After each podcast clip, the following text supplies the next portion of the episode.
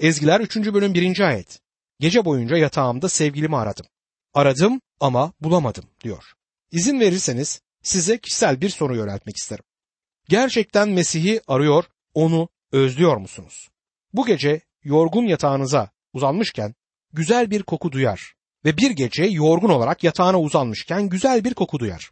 O günlerde sevgilinin kapı tokmağına mür veya hoş bir koku sürmesi adetti. Kokuyu duyunca koridordan kapıya yönelir. Ezgiler 5. bölüm 5. ayet. Kalktım sevgilime kapıyı açayım diye. Mür elimden damladı. Parmaklarımdan attı, sürgü tokmakları üzerine diyor. Onun geldiğini biliyordu. Onu unutmadığını gerçekten biliyordu. Bugün Mesih'in kokusu senin yaşamında duyuluyor mu? Sevgili arkadaşım sakın dinsel hikayelerle kendini kandırma. Ayaklarını sağlam kayanın üzerine bas. Mesih'in senin için anlamı şimdi nedir? Mesih'in hoş kokusu bugün yaşamında var mı?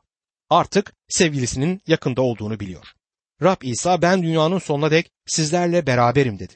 Elçi Paulus cezaevindeyken Mesih'in yanında olduğunu söyler. Rab İsa vaat etti. Seni asla terk etmem, seni asla bırakmam. Bir gün bağda asmalarla uğraşırken ezgiler 2. bölüm 15. ayette yakalayın tilkileri bizim için. Bağları bozan küçük tilkileri. Çünkü bağlarımız yeşerdi dedi. Küçük tilkiler üzümlere ulaşmasınlar diye asmalar yükseltilmektedir. Orta Doğu ülkelerinde asmalar yere yakın olur. Avrupa'da olduğu gibi oralarda asma çubuklarını yükseltmezler. Kız asmaları yükseltmekte ve altlarına taşlar koymaktadır. Küçük tilkilerin üzümlere ulaşmasını istemez. O bu işle uğraşırken aşağıda toprak yoldan bir duman sütunu ona yaklaşmaktadır. Ezgiler 3. bölüm 6. ayet. Kimdir bu kırdan çıkan? Bir duman sütunu gibi tüccarın türlü türlü baharatlarıyla mür ve günlükle tütsülenmiş. Bir bağırış çağrış duyar. Açılın, Kral Süleyman geliyor.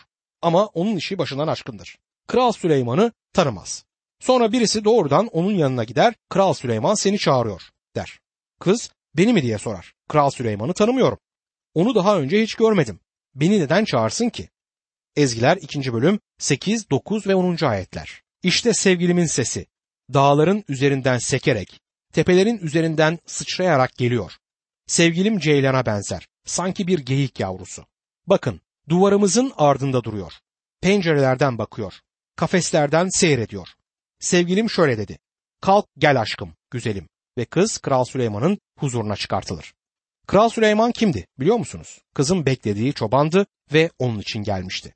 Bu Rab İsa Mesih'in vaadidir. Yuhanna 10. bölüm 27 ve 28. ayetler. Koyunlarım sesimi işitir. Ben onları tanırım. Onlar da beni izler. Onlara sonsuz yaşam veririm. Asla mahvolmayacaklar. Onları hiç kimse elimden kapamaz. Elçi Paulus ise 1. Selanikliler 4. bölüm 16 ve 17. ayetlerde şöyle yazar. Rabbin kendisi bir emir çağrısıyla, baş meleğin seslenmesiyle, Tanrı'nın borazanıyla gökten inecek. Önce Mesih'e ait ölüler dirilecek. Sonra biz yaşamakta olanlar, hayatta olanlar, onlarla birlikte Rabbi havada karşılamak üzere bulutlar içinde alınıp götürüleceğiz. Böylece sonsuza dek Rab'le birlikte olacağız. Rab İsa bizim için tekrar geleceğine söz verdi. Ezgiler 2. bölüm 11, 12 ve 13. ayetlerde bak kış geçti. Yağmurların ardı kesildi, çiçekler açtı. Şarkı mevsimi geldi. Kumrular ötüşmeye başladı beldemizde. İncir ağacı ilk meyvesini verdi. Yeşeren asmalar mis gibi kokular saçmakta. Kalk gel aşkım, güzelim diyor. Böyle günlerden birinde bizi o bu dünyadan çağıracak. Şunu sormama izin verin. Peki senin durumun ve dünya ile olan bağlantın nasıl? Eğer o şu an bizi bu dünyadan almaya gelse yüreğin kırılır mı? Bu dünyada dünya nimetlerine doymuş, ayaklarını sağlam yere basan birçok kişi var ki Rab bunlar için gelse göğe götürülürken ağlarlardı. Çünkü bu dünya yaşamında çok şeyleri var. Kıza şöyle diyor Ezgiler 2. bölüm 14. ayet. Kaya kovuklarında, uçurum kenarlarında gizlenen güvercinim. Boyunu posunu göster bana. Sesini duyur. Çünkü sesin tatlı, boyun posun güzeldir. Bu Rabbin bizi koyduğu yerdir. Fırtınalar geçene dek kaya kovuklarında duracağız. Bu muhteşemdir.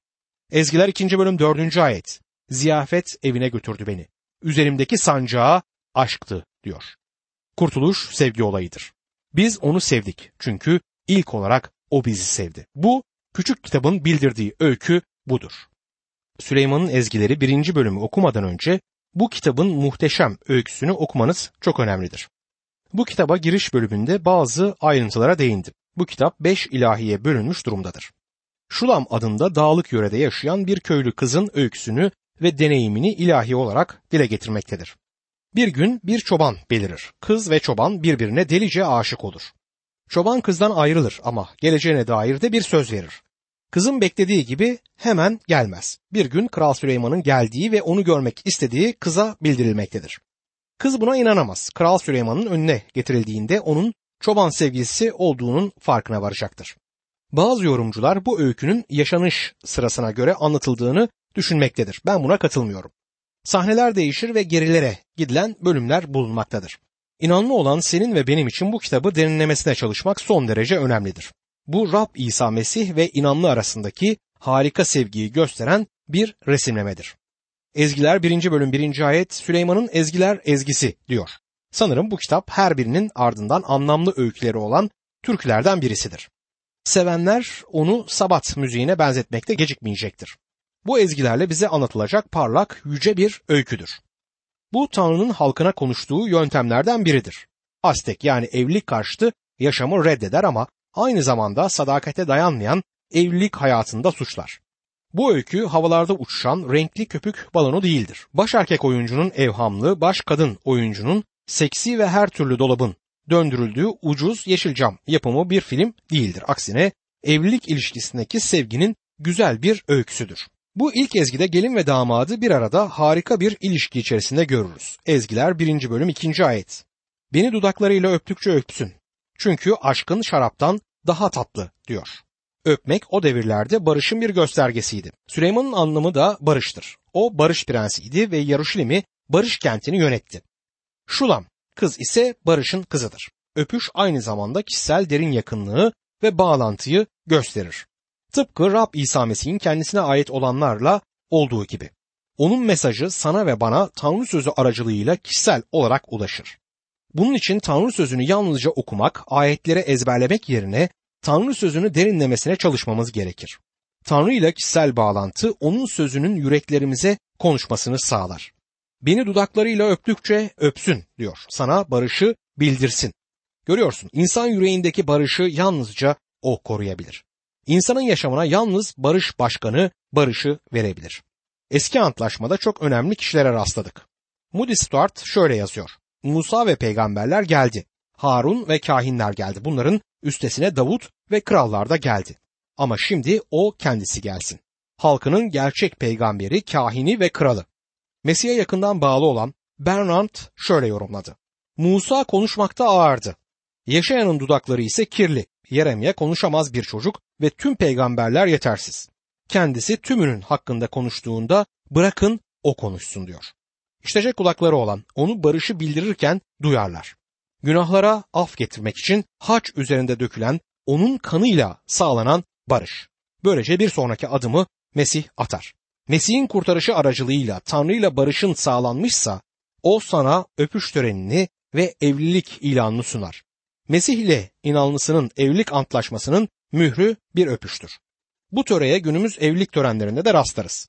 Bir nikah töreni aklıma geldi. Erkek ve kadın da evet yanıtını verdiğinde nikah memuru dua kaldır ve geline evlilik öpücüğünü ver der.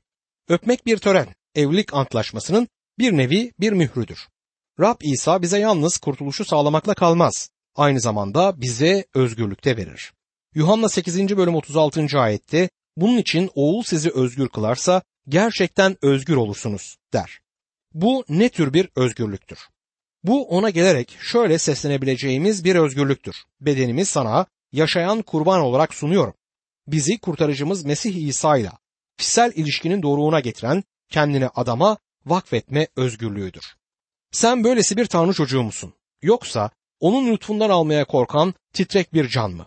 Rab senin adanmış bir yaşam yaşamanı ister. Efesler mektubunda Rabbe ilişkin merhamette ve lütfunda zengin diye bahsedilmektedir ve o tüm yüceliğini bizlerle paylaşmak ister.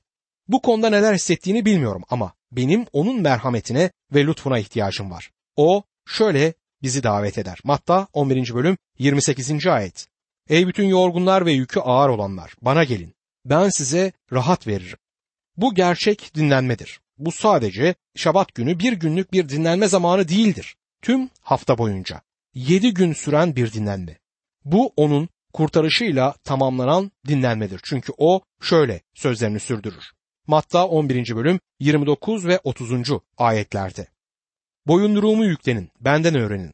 Çünkü ben yumuşak huylu, alçak gönüllüyüm. Böylece canlarınız rahata kavuşur. Boyunduruğumu taşımak kolay, yüküm hafiftir. Onunla aynı boyunduruğu taşımak güzel ve yüce bir bağlılıktır. Ve senin yükünü taşıyan onun kendisidir. Erskine adında bir yazar şu şiirsel sözlerle bunu dile getirir. Ağzından akan sevinç göğü açıklar, öpüşleri yukarıdan sağanaklar. Aflık vaatler ve sonsuz sevgi, mührüyle kaynaklar, onun sevgisi. Çünkü aşkın şaraptan daha tatlı diyor kutsal kitapta. O günlerde şarap dünyanın sunduğu en lüks içecekti. Şarap kuş sütünün eksik olmadığı sofraların baş köşesinde yer alır ve yürek için büyük sevinç anlamını taşırdı. Elçi Paulus Efes kentindeki inanlara Efesler 5. bölüm 18. ayette şöyle yazar. Şarapla sarhoş olmayın. Bu sizi sefaate götürür. Bunun yerine ruhla dolun. Kutsal ruhla dolu olmak bu gerçekten heyecan verici bir deneyim olmalıdır. O neşe Mesih'e ait olmanın ve onunla kişisel bağlantının doruğunda olmaktır ve gerçekten harikadır.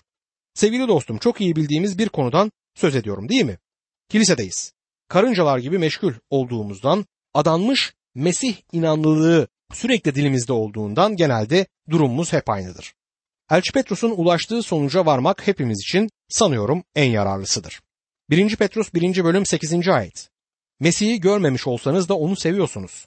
Şu anda onu görmediğiniz halde ona iman ediyor, sözle anlatılmaz yüce bir sevinçle coşuyorsunuz. Habakuk peygamberde Habakuk 3. bölüm 17 ve 18. ayetlerde şu tanımlamayı yapar. Tomurcuklanmasa incir ağaçları, asmalar üzüm vermese, boşa gitse de zeytine verilen emek, tarlalar ürün vermese de, boşalsa da davar ahılları, sığır kalmasa da ahırlarda, ben yine Rab sayesinde sevineceğim. Kurtuluşumun Tanrısı sayesinde sevinçten coşacağım. Sen bu yere ulaştın mı?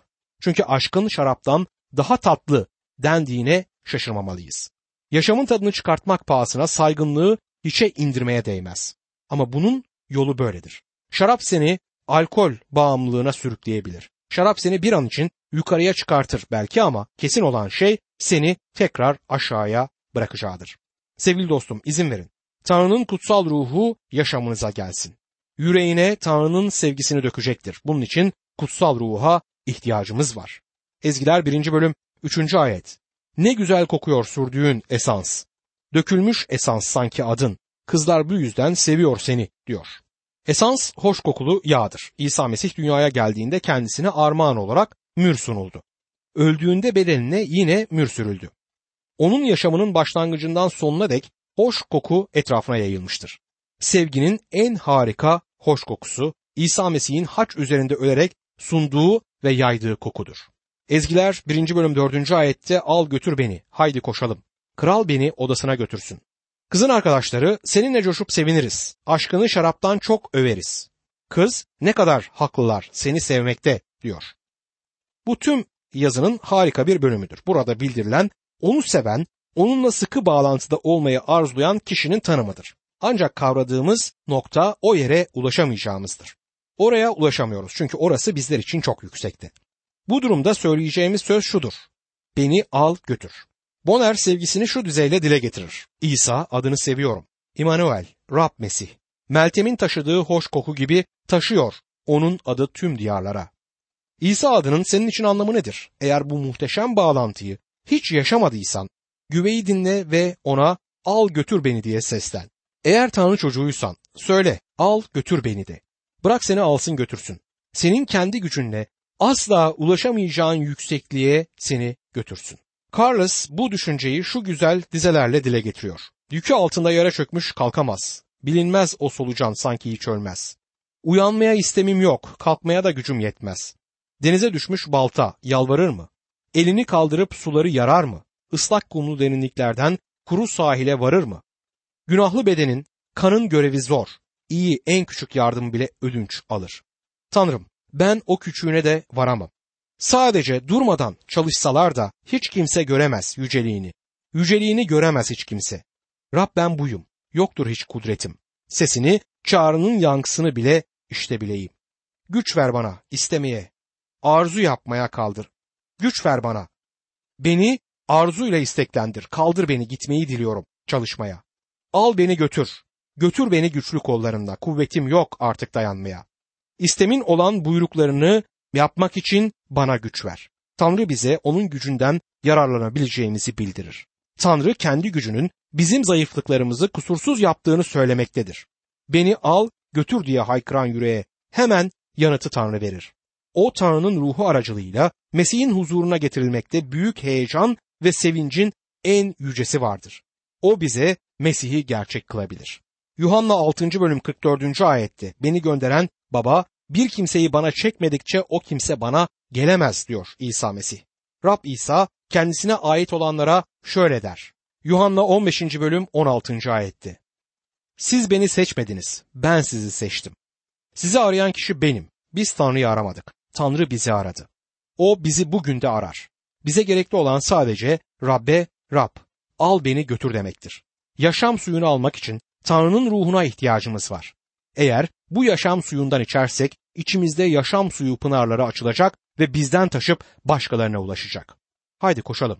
Burada bildirilen görüş kayıtsız ve tembel oluşumuz değildir. Çaresiz ve yardımsız oluşumuzdur. İsteğimiz var. Ruh isteklidir ama beden zayıf. Onunla birlikte koşmak isteriz fakat koşmak için gereken bacakları bize verecek olan odur. Bizi yetkin kılmalı, kalıcı yetkinlik vermeli, bizi alıp götürmelidir. İbraniler 12. bölüm 1. ayetin sonu ve 2. ayetin başı bize der ki, önümüze konan yarışı sabırla koşalım. Gözümüzü imanımızın öncüsü ve tamamlayıcısı İsa'ya dikelim. Yaşaya 40. bölüm 31. ayet. Rabbe umut bağlayanlarsa taze güce kavuşur. Kanat açıp yükselirler, kartallar gibi. Koşar ama zayıf düşmez, yürür ama yorulmazlar. Der Yaşaya 40. bölüm 31. ayette kutsal kitap. Al götür beni, haydi gidelim diye haykırdığımızda o bizleri yanıtlar. Kral beni odasına götürsün. O da onun huzurunun gizi, konutu, tapınaktaki en kutsal yeri gibidir. Gürültüden ve kalabalıktan uzakta olan gizli yer orasıdır. Onunla birlikte olabileceğimiz yere sağlam temelde bastığımızda bizi kolları arasına alacaktır. Mesih'in daveti budur. Vahiy 3. bölüm 20. ayette. İşte kapıda durmuş kapıyı çalıyorum. Biri sesimi işitir ve kapıyı açarsa onun yanına gireceğim. Ben onunla, o da benimle birlikte yemek yiyeceğiz. Gerçekten muhteşem bir davettir bu. Onunla paylaştık etmek muhteşemdir. Geçmişe gidip Yeşaya peygamberle beraber Rabbe şu şekilde haykırabiliriz. Yeşaya 6. bölüm 5. ayetteki gibi. Vay başıma mahvoldum dedim. Çünkü dudakları kirli bir adamım. Dudakları kirli bir halkın arasında yaşıyorum. Buna karşın kralı, her şeye egemen Rabbi gözlerimle gördüm. Fakat kral beni odasına götürsün. O kendisi kurtuluşu hazırladı. Sunak üzerinden koru alıp dudaklarımıza değdiren kendisidir. Eşsiz kurbanı sunan onun kendisidir. Seninle coşup seviniriz. Toplantılarımızda daha çok sevince ihtiyacımız var. Ve yaşamlarımızda da aynı şekilde daha fazla sevinç. Yuhanna 10. bölüm 10. ayet. Hırsız ancak çalıp götürmek ve yok etmek için gelir. Bense insanlar yaşama, bol yaşama sahip olsunlar diye geldim diyor İsa Mesih. 1. Yuhanna 1. bölüm 4. ayet. Bunları size sevincimiz tam olsun diye yazıyoruz diyor. Rabbimiz bizim için doluluğa erişen bir yaşam ister. Belki kilise sıralarında oturan birisisin. Şu ya da bu gruba ait olmakla övünüyorsun. Ama önemli nokta Mesih sana yakın mıdır? Kral beni odasına götürsün diyor bu ayette. Seninle coşup seviniriz, aşkını şaraptan çok överiz. Ne kadar haklılar seni sevmekte. Belki şu anda ülkenin bir başından öbür başına dek bar köşelerine öbeklenmiş, içki masalarına çöreklenmiş insanlar var. Onların yerinde olsak biz de sandalyelere gömülürdük herhalde. Yaşamlarını taşıyabilmek için içmek gerektiğini düşünüyor bu insanlar. Birçok kişi işini yapabilmek için içmesi gerektiğini düşünür. Yaşam onlar için çok ağırdır ve çok karışıktır. Sana şunu söylemek isterim. Eğer Tanrı çocuğuysan her zaman bilebilirsin Tanrı seni seviyor. Tanrı sevgisi bize verilen kutsal ruh aracılığıyla yüreklerimize döküldü. O bize olan sevgisini gerçek kılmak ister. O bize olan sevgisini göstermek ister. Bu meyhane ya da kahvehane köşelerinde pineklemekten çok daha sanıyorum iyidir. Efesliler 5. bölüm 18. ayet şarapla sarhoş olmayın. Bu sizi sefahate götürür. Bunun yerine ruhla dolun der. Efesler mektubunun 5. bölümünde şunları okuyoruz. 5. bölüm 19. ayet. Birbirinize mezmurlar, ilahiler, ruhsal ezgiler söyleyin. Yürekten Rabbe ezgiler, mezmurlar okuyun. Paulus'un kendiniz için söyleyin demediğine hala seviniyorum çünkü sesim o kadar iyi değil ama konuşabilirim. Bunları anlatabilirim. Bu senin için de zor olmasa gerek. Rabbe hamdolsun. Sözlerini inanların ağzından işitmek gerçekten hoş. Bugün Rabbe hamd etmeye ne kadar çok ihtiyacımız var. Seninle coşup seviniriz. Aşkını şaraptan çok överiz. Ne kadar haklılar seni sevmekte. Haklı olanlar kimlerdir? Ona ait olanlar. Al götür beni diye ona seslenenlerdir. Onları ayakları üzerine kaldırdı. İmanlarının yazarı ve tamamlayıcısı Rab İsa'ya bakarak yaşam koşusunu sürdürebilirler artık. İnanlının yaşamı sevgi olayıdır. Onu seviyoruz çünkü o ilk olarak bizleri sevdi. Bizi o denli sevdi ki kendisini bizim uğrumuza haç üzerinde ölüme sundu. Ve şimdi bize şöyle sesleniyor. Senin sevgini istiyorum. Bu işin mührüdür. Eğer onu sevmiyorsan seviyormuş gibi kimseyi kandırmaya kalkma. Dürüst ol ve gerçeği ortada açıkça ifade et. Onu gerçekten sevmiyorsan her şey anlamsızdır. Şimdi seven inanlının yanıtını 63. mezmurdan dinleyin. 63. mezmur 1. ayet. Ey Tanrı sensin benim Tanrım. Seni çok özlüyorum. Canım sana susamış, kurak, yorucu, susuz bir diyarda. Bütün varlığımla seni arıyorum. Dostum, Tanrı'ya susadınız mı? Rab İsa susayan bana gelsin ve benden içsin der. 63. mezmur 2. ayet. Kutsal yerde baktım sana. Gücünü, görkemini görmek için diyor. 3, 4, 5 ve 6. ayetlerde 63. mezmur devam edip şöyle der. Senin sevgin yaşamdan iyidir. Bu yüzden dudaklarım seni yüceltir. Ömrümce sana övgüler sunacağım. Senin adınla ellerimi kaldıracağım. Zengin yiyeceklere doyarcasına doyacağım sana. Şakıyan dudaklarla ağzım sana övgüler sunacak. Yatağıma uzanınca seni anarım. Gece boyunca derin derin seni düşünürüm. Bırakalım dudaklarımız yalnızca onu övmekle meşgul olsun. 63. mezmur 7. ayet. Çünkü sen bana yardımcı oldun. Kanatlarının gölgesinde sevincimi dile getiririm der. Rab İsa Mesih de Yaruşilim halkını bir tavuğun civcivlerini kanatları altına topladığı gibi kanatları altına toplamak istediğini anımsatır. Ve Matta 23. bölüm 37. ayette Ey Yaruşilim! Peygamberleri öldüren, kendisine gönderilenleri taşlayan Yaruşilim! Tavuğun civcivlerini kanatları altına topladığı gibi ben de kaç kez senin çocuklarını toplamak istedim ama siz istemediniz.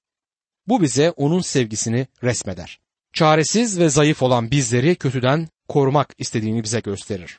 63. mezmur 8 ila 11. ayetler arasında canım sana sımsıkı sarılır. Sağ elim bana destek olur. Ama canımı almak isteyenler yerin derinliklerine inecek. Kılıcın ağzına atılacak. Çakallara yem olacak. Kralsa Tanrı'da sevinç bulacak.